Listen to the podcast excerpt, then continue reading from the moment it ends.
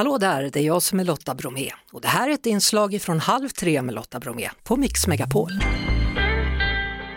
I dagarna så är det ju skolstart. En del kanske redan har startat, någon kanske startar imorgon och sen är det en del som startar först på måndag. Men många elever är oroliga och mår dåligt inför just skolstarten. Ida Höckerstrand och Sofie Hallberg, välkomna hit! Tack så mycket! Ni har tillsammans då Ångestpodden på Podplay. Berätta lite om den. Ja, men Ångestpodden är vår podd om, från början sa vi psykisk ohälsa. Idag är Ångestpodden en podd om livet.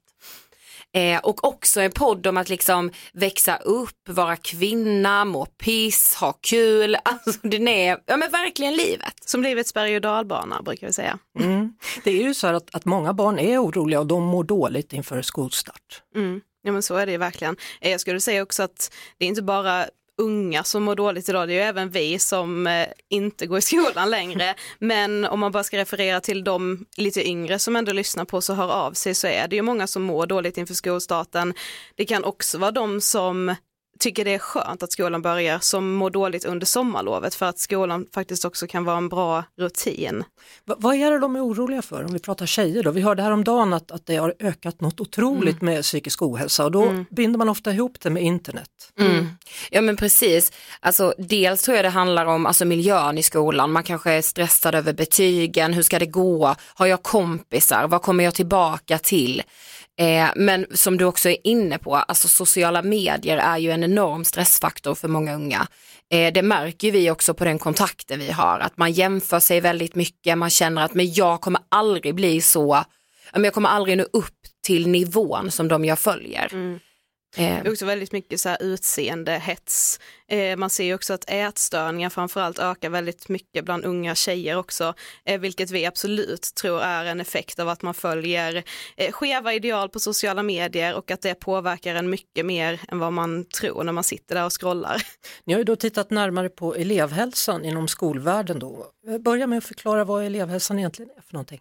Ja, men elevhälsan är ju specialpedagoger, det är skolkurator, skolsköterska, skolläkare, skolpsykolog. Egentligen kan man säga att på en arbetsplats så kanske man har en eh, företagshälsa och i skolan blir ju, blir ju det då elevhälsan. Eh. Så det var vi hade förr i tiden då, skolsköterskan? Ja men exakt. Ja, men hur, hur, hur, ofta är de där? Är de där? Finns de? Det är ju väldigt varierat. Vi ska ju inte sitta och säga att det aldrig finns några skolkuratorer på plats eller någon elevhälsa alls. Men det vi har sett i vår kampanj som vi ju nu driver, tre minuter, så är det ju väldigt varierande. Det beror helt på var du bor i landet, vilken skola du går på och det finns skolor där det knappt finns någon skolkurator eller elevhälsa överhuvudtaget. Så ni har alltså tagit en titt på detta och märkt att det finns stora brister och därför då startat den här kampanjen tre minuter i veckan. Berätta. Ja, men vi kände någonstans att så här, var brister det någonstans? Ja, men det gör det ju redan i skolan. Som, som vi var inne på, man pratar om att den psykiska ohälsan ökar, inte minst bland unga. Ja, men var brister det någonstans? Redan i skolan. Eh, och vi har också haft mycket kontakt genom åren med just skolkuratorer som beskriver sitt arbete som akutstyrt, man får inte de resurser man behöver, man har eh, man har en väldigt, väldigt pressad situation och då kände vi att vi ville ta ett helhetsgrepp inför valet i år eh, och faktiskt försöka påverka i den här frågan. Mm. Och ni finansierar det här helt själva då med namninsamling och alla grejer? Här. Ja det gör vi. Hur går det då? Det går bra. Vi har just nu över 10 000 namn mm -hmm. i vår namninsamling. Eh, vi vill nå 15 000 innan valet så alla får jättegärna gå in på 3minuter.se och skriva under. Ja, jag har en liten uppmaning till er som lyssnar på Halv tre med Lotta Bromé. Snälla, gå in på tre minuter i veckan. Gå in och var med på den här namninsamlingen. Vi behöver hjälp för det handlar om barn, det handlar om unga ja. som ska försöka klara sig bättre än vad vi kanske gör eller har gjort ja, men förstå att det finns faktiskt hjälp att få. Ja, ja, men exakt. Och vi är också så övertygade om att man kan få hjälp ganska tidigt och bryta den här negativa trenden i att må väldigt, väldigt dåligt om man tidigt får prata med en skolkurator. Så därför är det så otroligt viktigt att de finns på plats hela tiden. Mm, ska vi ta det en gång till då? Var ska de gå in? Treminuter.se. Treminuter.se. Tack så mycket Ida Höckerstrand och Sofie Hallberg och är ni nyfikna på podden, ja då hittar ni den på Podplay, Ångestpodden.